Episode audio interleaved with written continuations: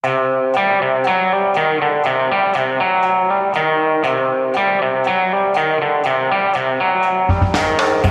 visste jeg at alle disse dagene som kom og gikk, det var selve uke tre. Eh, Det nye året er eh, godt i gang. Det er fredag, og velkommen tilbake til gjesten fra forrige uke, Thomas Giertsen. Du, tusen takk, Anders. Veldig hyggelig å være her igjen.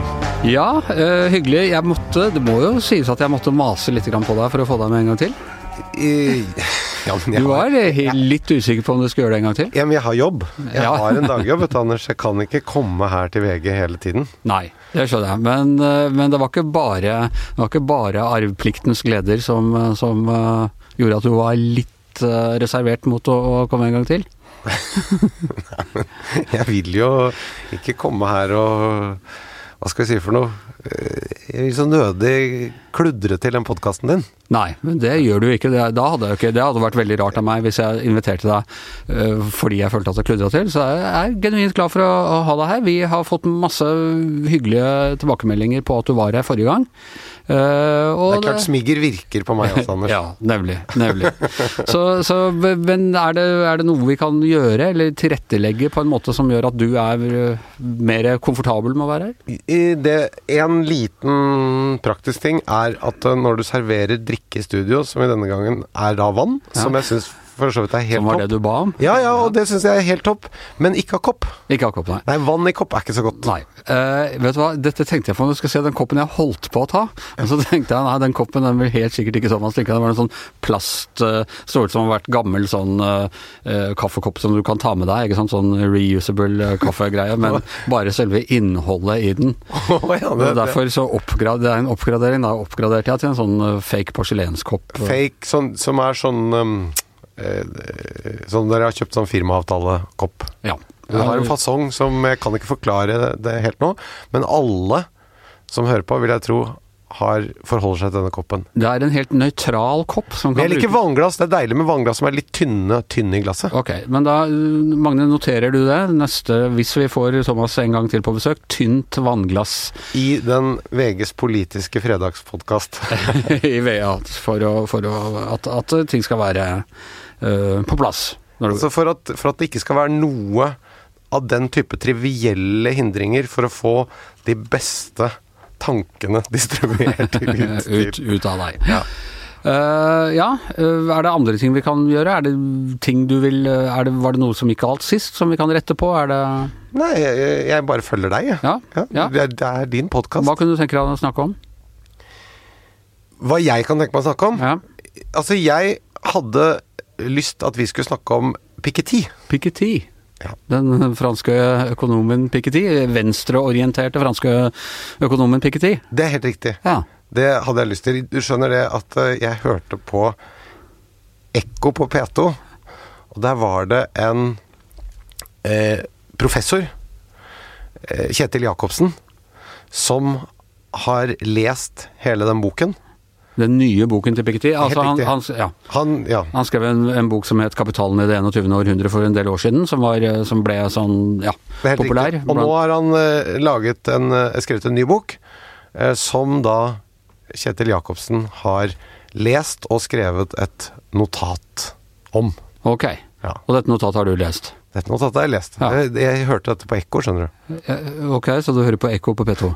Ja. Ja. Jeg liker det. Det er, ikke noe, altså, det er ikke noe for å flotte meg, det er bare fordi jeg syns det er deilig at det ikke er så mye musikk. så derfor, derfor skrudde du over fra P4 til P2, og har fått en innføring i PKT. Helt riktig. Ja, men det er kjempebra, Thomas. Vi kan komme tilbake til det. Jeg syns vi må starte med, med ukas uh, store sak. eh, som da er eh, denne IS-kvinnen, som vi i mediene har eh, kalt henne. eh, som nå vender tilbake med sitt barn til Norge. Regjeringen har grepet direkte inn. Fremskrittspartiet er i harnisk, truer med å, å, å gå ut av regjeringen. Hva tenker du om dette? Nei, altså jeg har ikke satt meg sånn veldig godt inn i den saken, men har ikke vi et embetsverk som skal forvalte reglene for altså hvordan disse tingene skal håndteres? Er dette noe politikerne skal drive med? til syvende og sist er det jo politikerne som skal, skal lage reglene for, eh, for embetsverket. De skal lage dem, men når de har laget dem, skal de da drive og følge opp og forvalte? Det er, det er selvfølgelig et, eh, et spørsmål. Altså, det er jo en veldig unik situasjon, dette her. Det er jo, altså, jeg, vet, jeg vet ikke hvor mange det er, ja, men, men disse fremmedkrigerne de er jo på en måte ikke vært en Det er ikke sånn at du kan lage generelle regler slik du gjør for uh, asylsøkere og, eller innvandrere eller noe sånt. Det er en helt spesiell situasjon, så det har kommet litt uh, brått på. Man har ikke et eget regelverk for dem. Men er, det er ikke noe regelverk her? Uh, det er ja, nei. Altså, norske borgere har rett til å komme tilbake uh, til Norge. Ja. Uh, hun har jo ikke mista statsborgerskapet sitt, denne kvinnen. så er det hvor mange pinner skal man legge i kors for å få dem tilbake, selvfølgelig. Du husker jo han Joshua French. Han var dømt for et, et drap i Kongo. Da ble jo satt himmel og jord i bevegelse. Han kom hjem på, på selveste 17. mai, og det var, det var ikke måte på.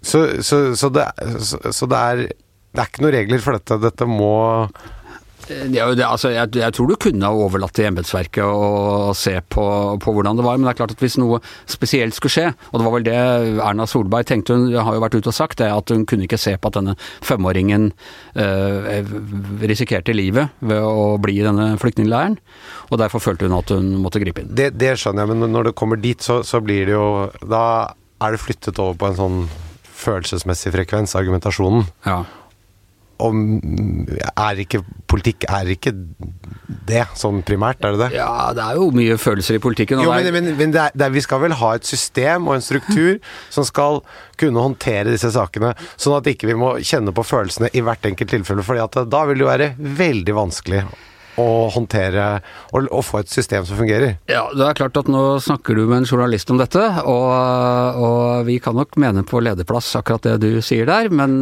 når, i praksis så vil jo vi ofte lete etter akkurat de tingene som blir vanskelige da, ikke sant. Ja, men her er det umenneskelige regelverket, hva med denne skjebnen, og så trekker du fram en enkeltskjebne for å illustrere problemet. Det skjønner jeg. Altså vil kanskje politikerne bruke anledningen, hvis de må, til å markere et eller annet slags ståsted som en sånn symboleffekt, er det riktig? Ja, det er helt riktig. Og, det, og folk vil jo også presse på. altså Du ser at selv i kommuner hvor de er øh, sterke Fremskrittspartiet og sånne ting, kan du godt finne at de, har, de samler seg rundt én sånn øh, flyktning som skal utvises, eller og går i tog og vil akkurat, akkurat Ja, men det er fordi vi, vi, vi, er fulle av følelser. Vi skal jo, men det, det er vårt privilegium. Men det alle kan ikke, Vi kan ikke styre landet med at alle bare skal bruke følelsene hele tiden. Da det går vel ikke Nei, heller. Men det, jeg tror mitt, mitt spørsmål da bare er at hvis vi tenker at det, det fins et regelverk her, og så er det noen ganger et system hvor det tas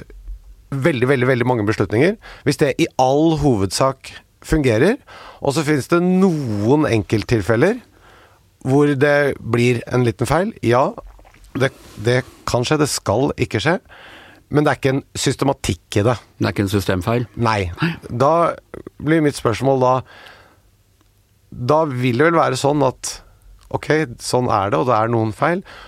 Og da vil begge sider i politikken kunne leve med det. De vet vel det, gjør de ikke det? De vet at det skjer av og til. Skjer noen små feil. Jeg tror du skal lete veldig lenge etter en politiker som ikke vil hoppe på en sånn sjanse. Nettopp! Ja. Men, og da er mitt spørsmål, hvem er det som har skapt dette her? Jo, da kommer det noen inn som f.eks. til VG, så sier det Hei, de der borte, de sa de er kjempefornøyd med at, at vi løser denne saken på denne måten i dette tilfellet. Hva syns du om det? Ja, og det er vel litt det som har skjedd her, ikke sant. At, at Venstre og Uh, Venstre og Kristelig Folkeparti det var vel ditt parti, fant du ut her forrige gang, ifølge valgomatene. Ifølge valgomatene, Anders, men jeg stemmer jo ikke. Vel, men, men, du bør i hvert fall kunne identifisere deg med deres reaksjon. De jublet over at uh, over at kvinnen var hentet hjem og, og barnet var reddet. Og da måtte Da må jo Fremskrittspartiet representere sitt overordnede ståsted, nemlig at vi er superstrenge. Her kan det ikke være noe Vi viker ikke en tomme. Så da må de Og så blir det en krangel som kanskje ikke hadde vært nødvendig Men, hvis det ikke hadde vært for dere, sladrehanken, som løper mellom og skaper denne intrigen. Han sa at Hva syns du om det? Ja, men nå sa hun. Nå sier hun det. Så du syns at, at, mediene burde vise samfunnsansvar ved å nå, har, nå er det stemningen litt vanskelig her i politikken. Nå skal ikke vi bære ved til bålet og drive og ja, konfrontere er, dem. Det, det, det, skjer systemfeil hele tiden.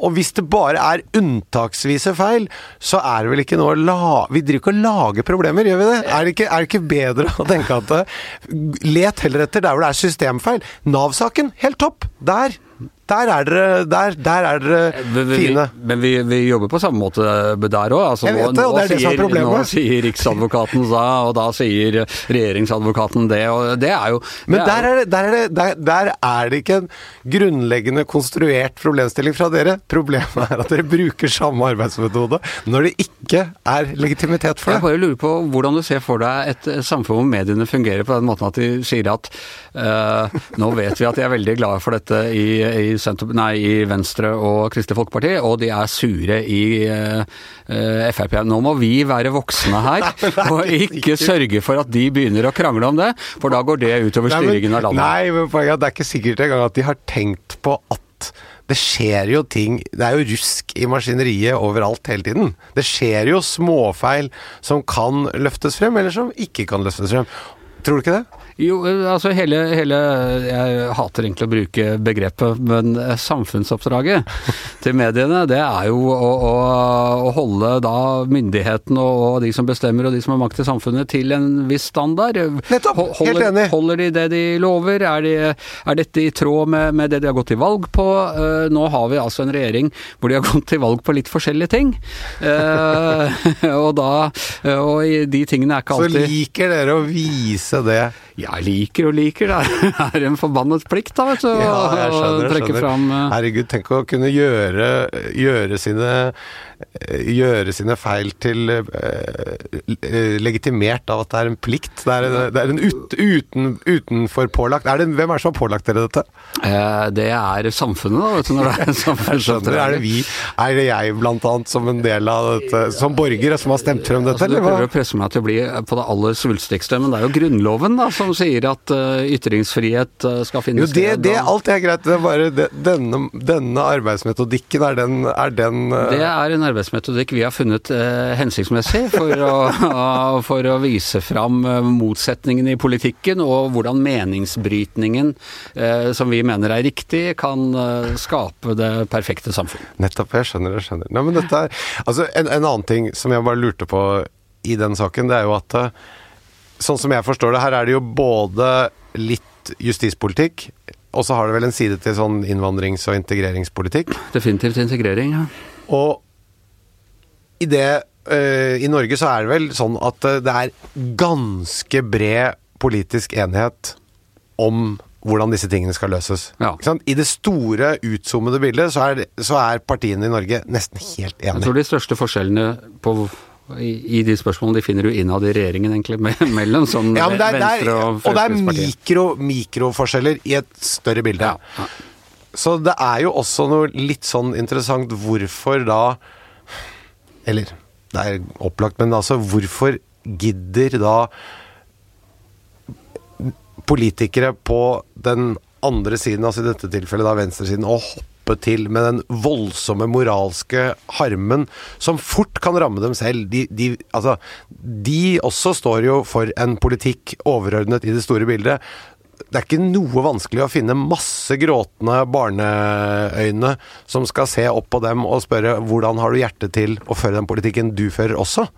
Så det å spille på disse følelsene det er jo for så vidt opportunt i øyeblikket, men det kan være kostnader med det i et større bilde, hvis man, hvis man, tenker at folk har litt hukommelse, og det har vi. Og, og, og, de kostnadene er jo nettopp det eh, man nå eh, sliter med. Altså det er derfor Kristelig Folkeparti og Venstre er da blitt beskyldt av eh, venstresiden for å være og dere, dere sa at dere står så langt fra Fremskrittspartiet menneskesynmessig og sånne ting, men nå har dere gått inn i regjering med dem. Hvordan kan dere det? Så derfor er det viktig for dem. Og dette er ikke bare oss medienes skyld, Men derfor er det viktig for dem uh, å vise fram at ja, men se her, vi, uh, hadde ikke vi gått inn i regjeringen, så hadde vi ikke fått til dette her, osv. Nei, for de vil markere nå akkurat hvordan de spikker den lille flisen. Det er veldig viktig å markere at vi spikker den veldig, veldig flisen er viktig for dem å, å holde fram. Ellers så, uh, når det gjelder altså Hanne Skartveit, vår politiske redaktør, har jo vært ute og sagt at hun hun reagerte jo veldig negativt på nettopp det at uh, Kristelig Folkeparti og Venstre var ute og sa at de jublet over dette, fordi det tross alt er en uh, såpass alvorlig sak med og dette å ta hjem en, en, kvinne som liksom har vendt ryggen til hele det demokratiske systemet og gått inn i denne helt forjævlige terrororganisasjonen IS. Uh, og sånn, Det er såpass problematisk å skulle ta henne hjem at det er rart å, å si at man jubler. Ja, og Nå er vi inne i det, og det er fristende å hoppe inn der også, men det, det ja, okay. Jeg tror vi tar det mer overordnet med å gå på Piketty og se hvordan vi kan liksom uh, løse problemet fra bunnen av, hvis det er dette å skape det perfekte samfunn som er vårt forehavende i dag. Altså dette litt utzoomede perspektivet, det var deilig å forholde seg til. litt. Ikke sant? Ja. Ikke sant? Uh, Eh, altså, slipper du detaljene, og der, der er så mye knot med dem. Ja, det, det, er jo Karl Marx og Piketty og alle sammen. De, liksom, de, skjønner hvordan alt skal gjøres for noen andre sånne vanlige mennesker styrer med hvordan kloakksystemet og, og, og Akkurat selve koblingen av røret. Den mutter'n som har feil med den gjengen. Det orker vi ikke holde på med. Nei, det får vanlige folk ta seg av. Vi tar det store over, overblikket. De enkle modellene og konstruksjonene. Nemlig. Eh, Piketty skrev da 'Kapitalen i det 21. århundre', som handlet om hvordan kapitalen i verden samles på, på uh, færre hender, og hvordan det gjør uh, de fleste andre egentlig fattigere, og dermed skaper større ulikhet. Og så har han kommet med en ny bok. Ja, bare, for, bare så vi bare legger et lite bakteppe for for dette vi skal komme til Vi skal komme til Pikti, eller en versjon av det. Men la meg bare si at det, uh, dette startet med at jeg hørte på Ekko, som jeg sa. Ja. Og, og, på Ekko så var det da professor Kjetil Jacobsen som Først da jeg hørte på, så snakket han om at i Norge, når vi leser utenlandske bøker, uh, f.eks. franske eller tyske bøker, så leser vi dem ofte oversatt til norsk via amerikansk. Og hans poeng da var at vi da får en kontekst på Altså en ting er språk og ordvalg og sånn i oversettelsen, men også forord og Så hele boken leses i en slags sånn amerikansk kontekst, som han mener er unødig fordi vi i Norge er kulturelt sett lenger unna USA enn eh, Tyskland og Frankrike f.eks., så har det vært bedre å få den direkte oversettelsen. Ja. Det beste er vel å lese det på fransk, da går jeg ut fra. Det er det beste, men det, det kan ikke jeg. Nei. Men det artige nå er at Så det å lese sånn via noen, det syns ikke han er noe bra. Det vi skal gjøre nå, er at jeg skal nå Vi skal nå snakke om Piketty, som jeg jo ikke har lest. Jeg har da lest Piketty i form av et Det er 1200 sider eller noe sånt. I et notat av da denne norske professoren som har laget et notat på 30 sider for den venstreorienterte tankesmien, er det ikke det det heter? Agenda.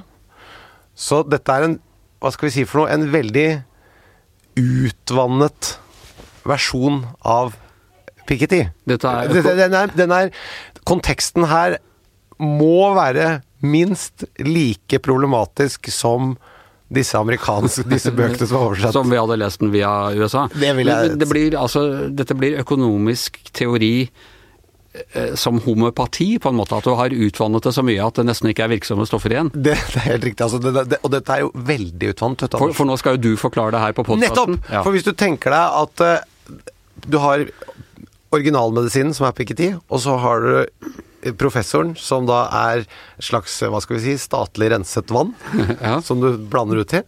Og så går det via der. Og så går det via meg som kan eh, sånn brakkvann. Kvakksalver. Brakkvann. ja.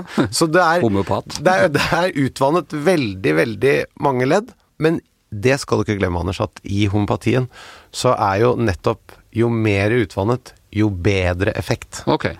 Og når vi nå i tillegg da sprer dette ut på en podkast, ja. så, så, gjør vi som vi i, i Rudolf Steiners landbruk, nemlig at vi sprer virkestoffene på veldig stort areal. Ja. Det holder ikke at jeg bare sprer den utvannede versjonen ved et lunsjbord. Vi må ta det utover Så hvis de som hører på nå uh, summerer opp det vi nå skal lære av deg i en tweet på 140 tegn, så vil det være det mest virksomme Piketty av, eh, av alle ting. Hvis vi følger en uh, homopatisk logikk, ja. Jeg er ikke helt sikker på om piketi går god for uh, homopati, men det tilhører vel litt mer de der detaljene som han ikke er så så opptatt av. Altså, eh, Den første var da selve eh, på en måte grunnteorien hans om kapitalen. Ja, der, og vi må ta det først, da. Der er det jo, der er det, jo eh, han, Det som blir kalt for Pikettys lov, er jo da at eh, avkastningen på kapital den går fortere enn lønnsveksten.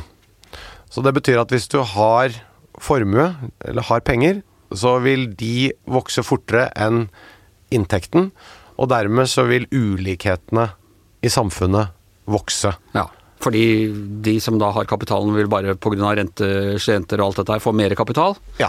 Mens eh, vi som bare mottar vanlig lønn, vi vil eh, reelt sett synke i Helt riktig. Og så, øh, og så er jo da denne boken her tar da for seg hvor Altså ulikhetens historie. Hvor mye ulikhet kan et samfunn tåle? Og så er det da ulike former for ulikhetssamfunn, alt fra sånn slavesamfunn og kolonistater og sånn, til sosialdemokrati, til da sånn det som han kaller for hyperkapitalisme. Hva Slavestatene må ha vært de verste, da, i ulikhet, når du snakker om Ja. tross alt organiserte sivilisasjoner. Ja, og så, må, og, så, og så snakker han også om da at, at ulikheten som finnes i et samfunn, må alltid begrunnes. Altså de som Hva skal vi si for noe? De som har mest, må ha en begrunnelse og en rettferdiggjøring av hvorfor det er sånn. Ja. Ja. En slags statsfilosofi, liksom. Ja, en slags sånn forståelse av at dette er riktig, Ja. på en eller annen måte. De rettferdiggjør slaveriet, f.eks. Ja, og, og da man må legitimere ulikheten. Jeg tenker at man må legitimere både ulikhet, hvorfor har du mer enn meg, men også hvorfor skal, hvorfor skal jeg gjøre mer enn deg. Så det er både på ytelsessiden og på mottakersiden. Og der, der ser du jo, der må jeg jeg. si at Kjetil Jacobsen da har et poeng med, med amerikansk forståelse, for der har de en langt større forståelse av at noen er rike og andre er eh, fattige. Det er en slags idé om at fordi vi, vi kan alle bli rike en eller annen gang, hvis vi bare jobber hardt nok. Og så har du denne, det de kaller trickle down-effekten, at hvis bare noen er rike nok, så vil, eh, så vil det liksom sildre nedover. Denne rikdommen vil sildre nedover i systemet og også nå, nå de fattige til syvende og sist. Ja, altså eh, eh, Bare de er rike nok til at det kan sildre, at det, det som sildrer ned, er nok til å trekke folk opp av Piketty mener jo at Piketty mener jo at når det blir for stor ulikhet, så vil ikke den fordelende effekten der skje. Han, han mener jo at eh, milliardærer og da snakker vel han om dollar- og euromilliardærer. Så de som har over Ikke sånne smålåtne norske milliardærer, liksom. Nei, de har ingen samfunnsmessig funksjon. Han, øh, han mener at gründere har en funksjon, og han mener også at markedsøkonomien, tøylet vel å merke, er uovertruffen i å skape velstandsøkning. Så han er ikke, han er ikke kommunist. Nei. Har han noen sånne Hvilke samfunn mener han er eller har vært best, da? Nei, jeg, sånn som jeg forstår det, så, så tror jeg han mener at sosialdemokratiet er den beste omfordelende løsningen. Altså, det, det at et samfunn ikke evner å omfordele altså, hvis, hvis- du tar, tar ytterpunktene, da, hvis du tenker at en, på den ene siden så har du alle har like mye. Det alle skal få like mye hele tiden, det fungerer ikke. Og så eh, fungerer det heller ikke at én har alt, og, ingen, og resten har ingenting. Nei. Så et eller annet sted midt imellom der Ja. må det være. Og så blir det jo sånn at når det blir for stor ulikhet, så blir det et problem også for de som har mest. For, for da blir det enten krig eller revolusjon, eller Da består ikke det samfunnet. Så det å kalibrere modellen inni dette rommet her, det er vel det det da handler om. Og i det rommet, sånn som jeg forstår det, så er sosialdemokratiet den beste og mest vellykkede modellen. Altså en tøylet markedsøkonomi. Er det sosialdemokratiet per nå, eller er det liksom under Gerhardsen og Ja, sånn som det var. Han mener jo at det er på vei eh, At ulikhetene har vokst. Altså de som har formue, har, er nå i ferd med å reise fra.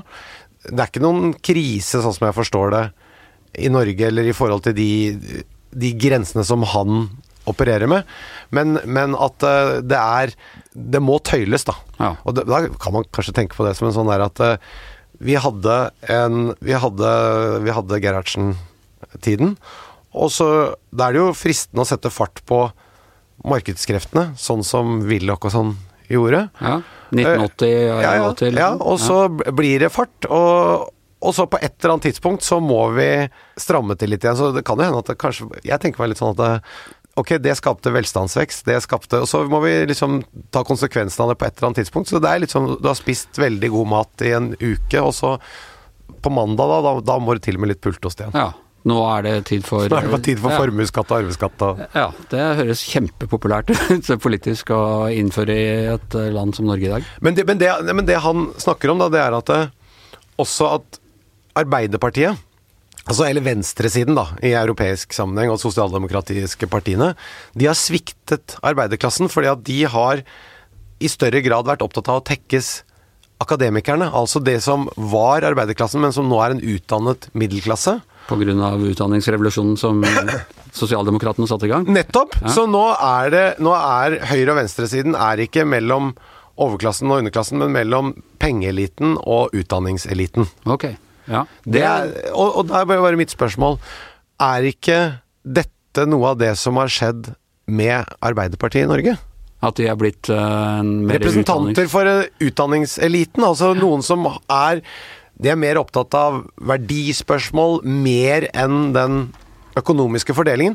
Fins det, dette er bare mitt spørsmål, fins det en sånn fristende eh, pitch på sosialdemokratiet? Altså, er, selges sosialdemokratiske modellen på en måte som noen syns er noen som er tiltalende?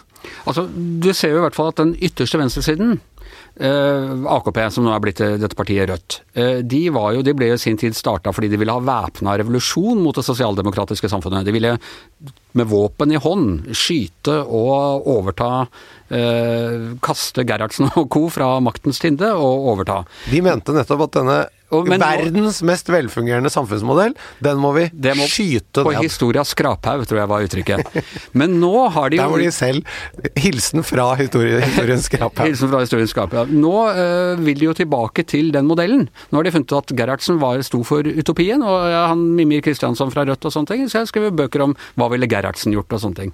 Så mannen som skulle styrtes av selvsamme parti, er nå idealmodellen i, i denne ideen. Jeg tenker, er det ikke bedre å selge dette til noen som At folk får lyst til å være med på dette? Det er noe man Og dette høres bra ut. Dette, er, dette har jeg noe igjen for. Ja. Hvilket reklamebyrå tror du skulle klare å formulere det budskapet for sosialdemokratiet? Er, er det ikke? Try som har oppdraget, da? jo, det, det, burde, det er jo egentlig de du bør snakke med da. Men Jo, men, jo men, men skjønner du hva jeg mener? For jeg tror liksom det der å Altså det der å kjefte noen tilbake, enten det er politisk eller i et forhold eller hva eh, Moral Kjefte tilbake? Jeg tror ikke det Du ser jo noe av miljøbevegelsen er jo klart veldig sånn temmelig moralistisk og snakker om skam og flyskam og, og sånne ting, og de går jo fram, de. De går fram, men, men er de Er de den nye Gerhardsen? eh, Det er jeg litt usikker på, da. ja. Jeg, jeg, jeg, jeg tror at eh, Jeg tror som sagt at det er en misforståtthet i at man skal eh, kjefte, og at det skal være moralske begrunnelser. Jeg, jeg tror du må føle en sånn lyst til å være med. Altså, hvis du har veldig masse penger, f.eks., så er du jo villig til å betale for å bo på verdens feteste all inclusive resort, f.eks. Hvorfor kan du ikke tenke bare Du, Norge Hvorfor selger vi ikke Norge sånn at du, du bor i verdens feteste land? Du får all inclusive, helse Alt er inkludert i denne avgiften, eller denne prisen, som da er skatten. Ja. Eh, og det er det feteste systemet. Fantastisk natur. Her kan du ta deg råd til å bo. Men er det ikke det sosialdemokratene egentlig sier? Liksom? Jo, men de, de sier det ikke på en måte som gjør at du får lyst. De kommer med sånn moralsk pekefinger om at du må, og du skal tas hvis du ikke gjør det sånn. Hvem er det som har lyst til å være et sted hvor du får beskjed om du skal ta? Det er ingen av disse hotellene, resortene, som selger 'hvis ikke du bor på vårt hotell, så skal du tas'. Nei. Så, Men og, hvordan, hvordan får Rimi Hagen flagger jo ut uh, stadig større deler av rikdommen sin. Hvordan skal du forklare Nei, ja, men du, vi har så godt skolevesen her, så det bør du ikke gjøre. Han, Ja, men du må, du må jo få en opplevelse. Det er jo både Her er vi over på sånn Du må få en opplevelse av at disse tingene Du må synliggjøre, vise kvalitetene. Hvis, hvis jeg på Når jeg var og fikk mitt første barn, f.eks., Så var vi på sykehuset, og så ble det litt dramatisk, og så ble det et hastekeisersnitt. Å se det helsevesenet i arbeid, hvor systematisk, hvor enkeltperson uavhengig det var. Det var fantastiske enkeltpersoner som jobbet, men det var også et system, hvordan det trappet opp, hvordan de jobbet, og hvor mye ressurser som gikk med på å få ut min sønn eh, frisk. Og jeg tror kanskje det som virkelig da pedagogisk hadde vært om du hadde fått regninga etterpå og bare fått sett hva en sånn operasjon koster. Nettopp! For det gjør du jo i USA, f.eks.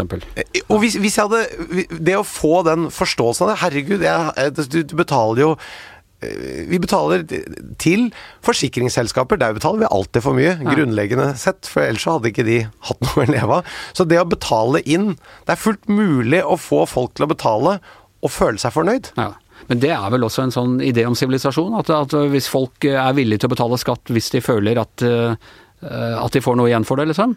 Og i det øyeblikket Nettopp. fyrsten krever for mye, så Nettopp. tenner man fakkelen og går mot slottet. Mens, mens, mens nå er det litt sånn at eh, jeg føler at vi, vi Den derre ideen, den akademiske middelklasseversjonen, den er både litt moralsk, og den er også litt sånn nostalgisk, peker tilbake på en tid som ikke folk mange har noen følelse av for eller med lenger. Så det føles bare det, Vi må ha sosialdemokratiet versjon 2.0. Ja.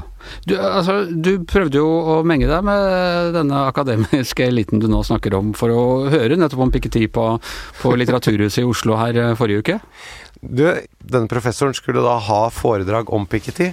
Kjetil Jacobsen. Helt riktig. Og så tenkte da jeg og eh, en eh, venn av meg som er forretningsadvokat Vi skulle gå og høre på dette, så vi fikk beskjed om at eh, vi måtte være litt tidlig ute. Det begynte klokken syv.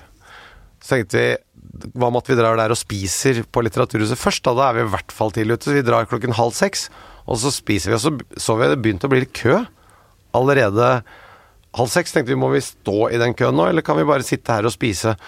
Og så var det litt uklart også, for det skulle være et sånn der kolesterolforedrag klokken seks. ok. Så det var, litt, det var litt vanskelig å se på køen. Er dette folk som skal på kolesterolforedraget, eller er det folk som skal på, på Piketi? Piketty? Altså har de tette blodårer, eller vil de gjerne ha litt mer penger Ja. fra samfunnet? Ja. Det var ofte uklart. overlappende Ja, vanskelig å se. Ja. Vanskelig å se. Og så spurte vi, da. Eh, disse på eh, Litteraturhuset der. Unnskyld, er vi nødt til å stille oss i kø her nå? Nei, nei, bare sitt eh, en halvtime før. Hold det fint. Bare spis. Ok, og så bestiller vi da mat og alt sånn. Og så plutselig så blir vi mer og mer stressa. Fordi at eh, den køen, den vokser. Og så ser vi at eh, plutselig, etter hvert, så kommer det altså da over en time før så er det helt fullt. Og plutselig så kommer det masse folk og setter seg over den der ikke-spisepliktavdelingen. Så ser vi at de har fått stempel. Så tenker jeg nå må jeg gå ned og sjekke. Så viser det seg altså at det, da har disse drevne litteraturhusgjengerne De har vært, kommet tidlig, vært nede, fått stempel, gått og satt seg i og ta, drikker sånn påfyllkaffe, som er gratis, og så ja, men så Du er opptatt, her snakker du nesten mot deg selv. Det er fordi du har betalt og kjøpt middag og sånne ting. Nei, nei, nei, jeg er bare en i nyttig idiot. Nei, ikke noe foran i køen. Jeg kommer tidlig, prøver å være med og bidra til opplegget her. Men kom du deg inn? Nei, Nei. kom ikke inn. Fordi Og dette her Vi skal da høre på et foredrag om fordeling av kapital. Jeg mener jo at her bør det være såpass opplysning også for oss som kommer, at vi med ikke-kulturell kapital også kan få komme inn og høre på. Så du mener at du må gå begge veier? Altså hvis dere nyrike skal gi kapitalen til eh, Så må også den akademiske middelklassen overføre kulturell kapital til. Nettopp! De har superkompetanse på hvordan håndtere arrangementer på Litteraturhuset. Vi ble så stressa. Vi, vi satt altså med skjegget i postkassa. Vi, vi fikk jo Vi satt jo der. Det å prøve å spise plukkfisk med høy puls, Ja. det er ikke noe gøy, Anders. Det, kan, det, det er en dårlig opplevelse. Uansett hvilken klasse du tilhører. Men i forhold til, altså hvis du hadde gått her, så ville du jo kanskje fått enda mer ut av det enn du har fått av det notatet, og da ville kunnskapen sånn sett, ut ifra homopatiideen, blitt mindre effektiv. Det, det er et veldig godt poeng. Det, der traff du meg. Der rundet du av denne delen. Dessuten så lærte du litt om, om dette med kulturell kapital og, og, hvordan man, eh, man oppfører seg. Ja, altså Nå vet jeg jo at jeg skal komme der og ta sånn stempel. Det ble fort, veldig fort fullt der også, fordi at det var mye ransler og sykkelhjelmer som skulle inn i det lokalet, i tillegg til, Ja. i tillegg til folkene. ja. Så det var en rekke sånne identitetsmarkører som også tok mye av plassen. Ja. Ja, ok, men allikevel. Noe har du fått ut av Piketty. Enda mer får vi som bare kan enda litt mindre. Og aller mest for de som leser de tweetene som nå vil bli sendt ut etter, etter dette. Så det er på en måte en, en rettferdig fordeling av Og en hyllest av homopatien. Og en hyllest av homopatien, ikke minst. Her, se- her ser vi hvor godt den kan virke. Det er veldig interessant hvordan homopati og Piketty liksom har blandet seg. Det tror jeg kan, den tror jeg kan så komme selv. Du, eh, vi må snakke om en annen ting som har skjedd i løpet av uka, og det er eh, eh, Har du vært i Det Norske Selskap noen gang? Det skrives med B. Ja, ja, ja. Der har jeg vært. Jeg, jeg er ikke noe medlem, men jeg har vært på besøk der eh, tre ganger, til. Ja. Eh, hva syns du om det? Du, det syns jeg Det må jeg si, det er veldig, det er veldig hyggelig. Ja? Ja, ja, ja. Det er jo altså Du har vært invitert av et medlem og sånn? da? Ja, ja. Ja. Da tar man slips, det må man. Ja. Og så kan man komme inn, og så kan man håpe at man uh, får spise napoleonskake av Vidkun Quislings sølvtøy. Vidkun Quislings sølvtøy? Eller med Vidkun Quislings sølvtøy. Ok. Nei, de har Du skjønner det er uh, Det sølvtøyet som hører til i norske selskap, det har jo initialene NS på seg. Ja, men det er jo fordi det står for Norske selskaper, Det er riktig, ikke Nasjonal men, Samling. det er riktig, men Quisling eh, tok dette under krigen, for han tenkte jo at eh, han gadd vel ikke å gravere nytt selv, da, så det var noen som hadde gravert inn. Det er jo For å spare staten for utgifter? Ja, det er sikkert flere Altså, det er nok flere menn som også har gjort det, når de skal kjøpe gifteringer, at de da Hvis, hvis den andre konen har samme navn som den første, så er det ikke noe vits i å gravere på nytt. Nei, da kan du bare går de til den den gamle konen og sier kan jeg få igjen den ringen? Den konfiskerte ringen. Ja. Og så, eller i et kjønnsnøytralt. Kvinner også kan gjøre okay, dette. men- så det er sagt. Vi er, vi er, her er vi 100 Vi er det. Det er, jo, det er jo problemet. Norske Selskap er ikke det. Jeg har holdt foredrag der en gang, veldig hyggelig. Ble bedt om å komme og snakke om Trump. Eh, da, men da sa han som booka meg at eh, dette er også et åpent arrangement hvor det er kvinner til stede. Jeg håper du, det er greit for deg. Hva sa du da?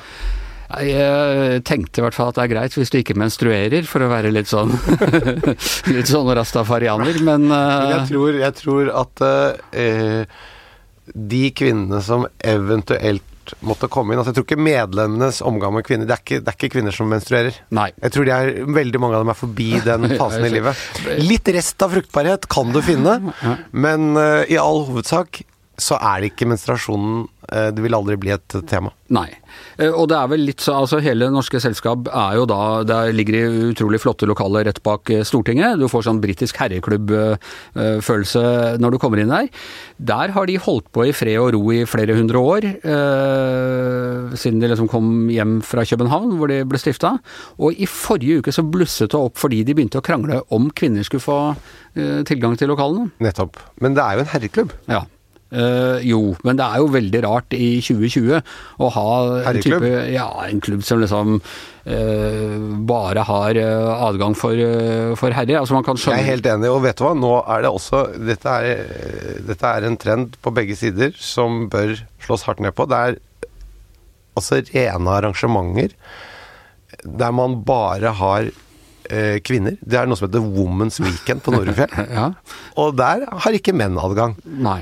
Og det bør vi også nå lage saker om, der menn som har lyst til å høre Rein Alexander og Stavangerkameratene synge, motivasjonsforedrag med Harald Rønneberg, de skal altså da stenges ute.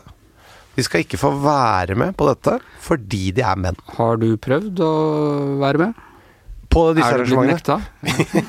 Jeg har ikke engang turt. Nei. Jeg føler meg utestengt. Jeg føler en vegg. Og jeg føler ikke at jeg er velkommen. Ja. Det heter Women's Weekend. Men, men ser du overhodet ikke problemet ved at uh, kvinner ikke har adgang til medlemskap i, i norske selskap? Selskap, mener jeg. Altså, hvilke kvinner vil inn i denne klubben, Anders? Nei, det vet ikke jeg. vet ikke om det er noen Altså, er, det, er det så mange damer som tenker sånn Du, jeg syns jeg blir utsatt for for lite mansplaining. Og jeg blir tiltalen, tiltalt på en for lite nedlatende måte. Jeg vil gjerne oppsøke eldre herrer med suksess som nå skal snakke til meg på en sånn måte. Er det Hva, hva, hva? Nei, jeg, altså mitt inntrykk er at dette er disse eldre herrene selv som har bestemt seg for at de uh... Det skal sies, det er dannede eldre herrer. Det er ikke sikkert det er sånn, men, men jeg er litt usikker på hvilke damer det er som har så veldig lyst til å komme Og dessuten, hvis det var åpnet opp for kvinner, tror du denne klubben hadde fått dette brede folkelige omdømmet hvis de nå åpnet opp for Fredriksen-døtrene og Åse Kleveland f.eks.? Jeg, altså, jeg, jeg vet ikke om det er omdømmeproblem. Det, det som har gjort denne saken morsom, er jo den måten de da krangler på dette her om, og de melder seg ut av protest og, du at de én etter én leverer inn flosshatten i protest? ja, og gamasjene. du får en følelse av at dette er folk som tar på seg medalje før de spiser middag. ja, det er, er litt Hvor er middagsmedaljen? Men, og da er mitt spørsmål Er det det at kvinner ikke kan At man har et rent mannearrangement eller et rent kvinnearrangement, er det det, eller en klubb eller et forum, er det det som er problemet? Eller er det formen og tonen? Altså at det er litt Det fremstår for mange folk litt fjollete? Jeg tror nok det er det, og, og jeg har inntrykk av alle liksom, kommentarene går jo på nettopp på det, at dette er, er helt sånn tatt ut av noe Charles Dickensk eh, greier, og liksom det- omplanta i Rådhusgata i, i 2020. Så det å få dem til å diskutere for eller mot kvinner i klubben, er mer en måte å lokke dem ut med flosshatten og medaljen for å kunne fekte på torget. Der tror jeg du er inne på det. Der er det mediene igjen som bare driver og lurer og holder på for å skape ufred i samfunnet. Ja, eller her får dere i hvert fall Istedenfor å la de tingene som funker, bare få rulle og gå. Men dette er i hvert fall et sirkus som jeg er villig til å kjøpe billett til. Ja. si. Blir Men jeg må si, det er, det er Jeg er jo litt sånn Jeg syns det er hyggelig. Som jeg sa, jeg hører på ekko fordi det er prating. På norske selskap, det er ikke noe musikk, noe støy. Det er rolige salonger, det er deilig. øh, stille og fantastisk kunst på veggene. Altså, det er masse forlokkende Nå er det jo en rekke som har meldt seg ut i protest. Da er det sikkert rom for nye medlemmer. Så hvis du, hvis du nå fikk tilbud om å bli medlem, da, da må man anbefale seg to, eh, to eh, floss, flosshatter. Eh, vil du da takke ja til det? Jeg har ikke flosshatt, Anders. Jeg er litt usikker på om jeg skal Ja, det være medlem. Men det må, være, det må være lov å Det må være lov å synes noe er hyggelig og se det positive i det uten å delta selv. Som du sa til meg, Anders, en gang. Det er greit å se på pornofilm, jeg har ikke lyst til å være med. Nei. Det sa jeg det til deg, det kan jeg ikke huske at jeg sa. Jeg sa det. Okay. Ja, nå husker jeg Du følte ikke at du selv kunne si Du det. skulle, du skulle på TV og forklare hvorfor du, eh, hvorfor du eh, leste Se og Hør, men ikke ville være med selv. Det er helt riktig! Ja, det, Det er helt Og da brukte jeg Da kan du bruke som eksempel. Jeg sa ikke at jeg leste porno. Nei, men Jeg jeg regner med at dette var hentet fra ditt liv, Anders. at, at det må være lov til å kunne si at, eh, at eh, fordi om man ser på porno, så vil man ikke nødvendigvis være med i pornofilm selv. Ja. Ja, det, det er helt riktig, men jeg regner med er at det var jeg var husket konteksten på det der, altså. Ja, det var veldig, veldig bra. Det var helt presist. Ja. Du, altså, men kan man ikke bare se på Det norske selskap som et sånt um, Som et slags lite museum? Altså, vi, vi, vi har det som et museum, og vi, vi legger da ikke ned Folkemuseet selv om de hadde et kvinnesyn på den tiden da disse eh, bygningene ble bygget. Nei, men man er også Jeg tror man er enige om i norsk museumsverden at Folkemuseet skal ikke drives etter føydale regler. selv om Men der, er det, men der er det selve bygningsmassen som er museumsgjenstanden. Her er det kulturen som er museumsgjenstanden. Så her, her kan man komme inn, og, komme inn og se på Man kan reise i tid. Ja. Ja. Nå er, eh, noe av poenget med Folkemuseet er altså at det er åpent for kvinner. Eh, jo, Jo, jo, men det kan, kan, ikke. Her kan ikke. Her er det menn som kan reise i tid. På samme måte som da kvinner kan bli motivert av Harald Rønneberg eller få gode følelser i kroppen av Stavangerkameratene og Rein Alexander. Det er Noen ganger er det den ene som får, og noen ganger er det den andre. Sånn sier jeg til barna mine hele tiden. Men i det lange løp så jevner det seg ut. Ok, ok. Ja, men da setter vi strek der. Eh, siste sak. Eh, det er Anders Danielsen Lie, eh, som er både lege og skuespiller. Eh, spilt i eh, flere av Trier-filmene og i eh, Og ikke minst spilte han Anders Behring Breivik, vel, i den eh, Netflix eh, eh, Netflix-filmen om eh, 22. juli. Og han spilte Herman i Det filmen gjorde Herman. han, helt riktig. Som barn. liten, Ja. ja. Ja, da intervjuet så gammel er jeg. Jeg intervjuet ham da på, i filmfestivalen i Haugesund, da han var, eh, var Herman som liten gutt.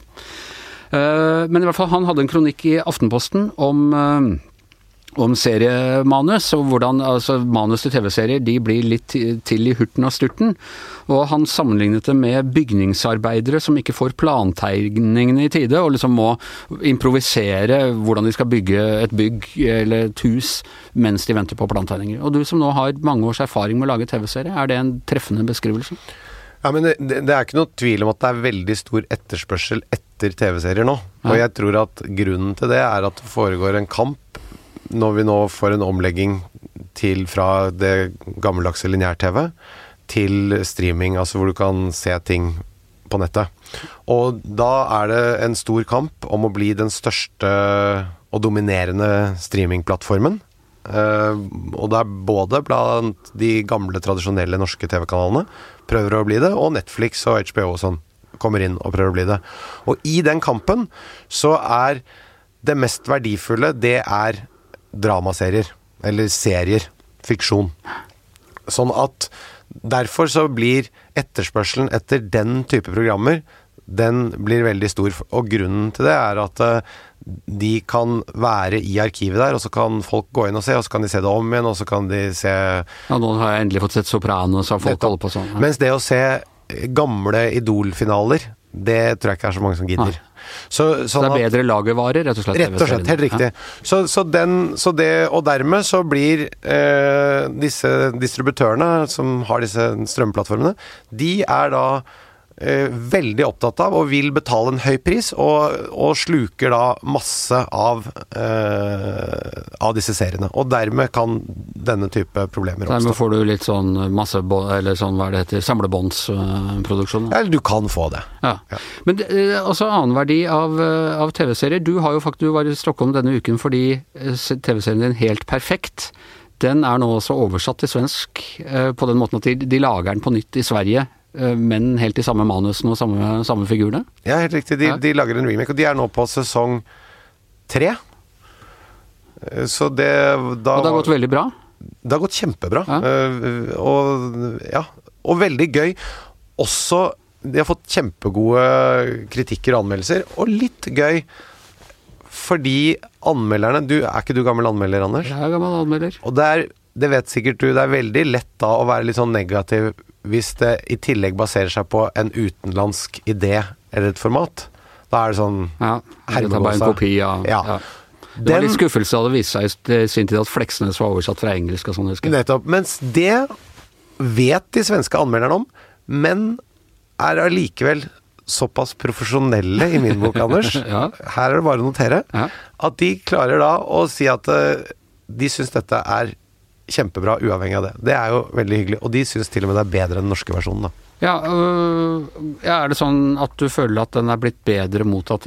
Blir du litt misunnelig på den svenske versjonen av det? Er det sånn litt Jeg vil gjerne at sønnen min skal lykkes som meg, men han skal ikke lykkes bedre enn meg? Nei, vet du hva, jeg syns det er utrolig gøy at den blir så godt mottatt, og vi, vi, vi blir jo bare veldig stolte av det. Vi vil jo Altså, jo bedre den går, jo bedre er det for oss. Vi er med å lage den, vi er med å klippe den svenske versjonen.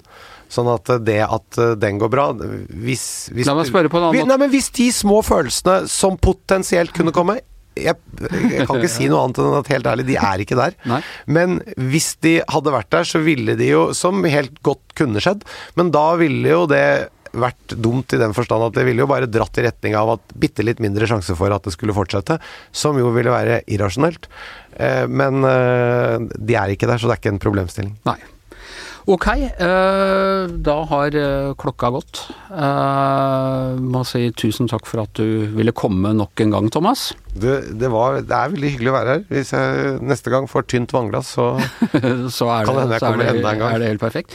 Jeg nevner at vi denne uka også på Gjever og gjengen har snakket om Iran og USA, om riksrettssaken i USA, om vitsen med lederartikler, om prins Harry og Meghan, om Russlands nye regjering og Frp og IS-kvinnene. Så hvis dere vil høre mer om det, så kan dere gå på arkivet vårt og høre. Men vi er Det var en beskjed til de voksne. Det var en beskjed til de voksne, som kanskje nå kom inn og hørte før de skrudde av. Som tenkte han derre, det gidder vi ikke. Nå, men takk for at du sier peker ut hvor er det, hvor er voksenavdelingen? Var ikke som i porno. Ja. Nei, uh, nettopp. Nettopp. Det er bra du eh, mansplainer for meg uh, hva jeg akkurat gjorde. Da er vi, vi Jeg var på Det Norske selskapet i går, han. Ja, nemlig. nemlig. Jeg ser du har medaljen på deg nå. Vi er ferdig for i dag. Vi er tilbake til uka. I studio Thomas Gjertsen og Anders Giæver og vår selskapelige ordfører bak spakene, Magne Antonsen.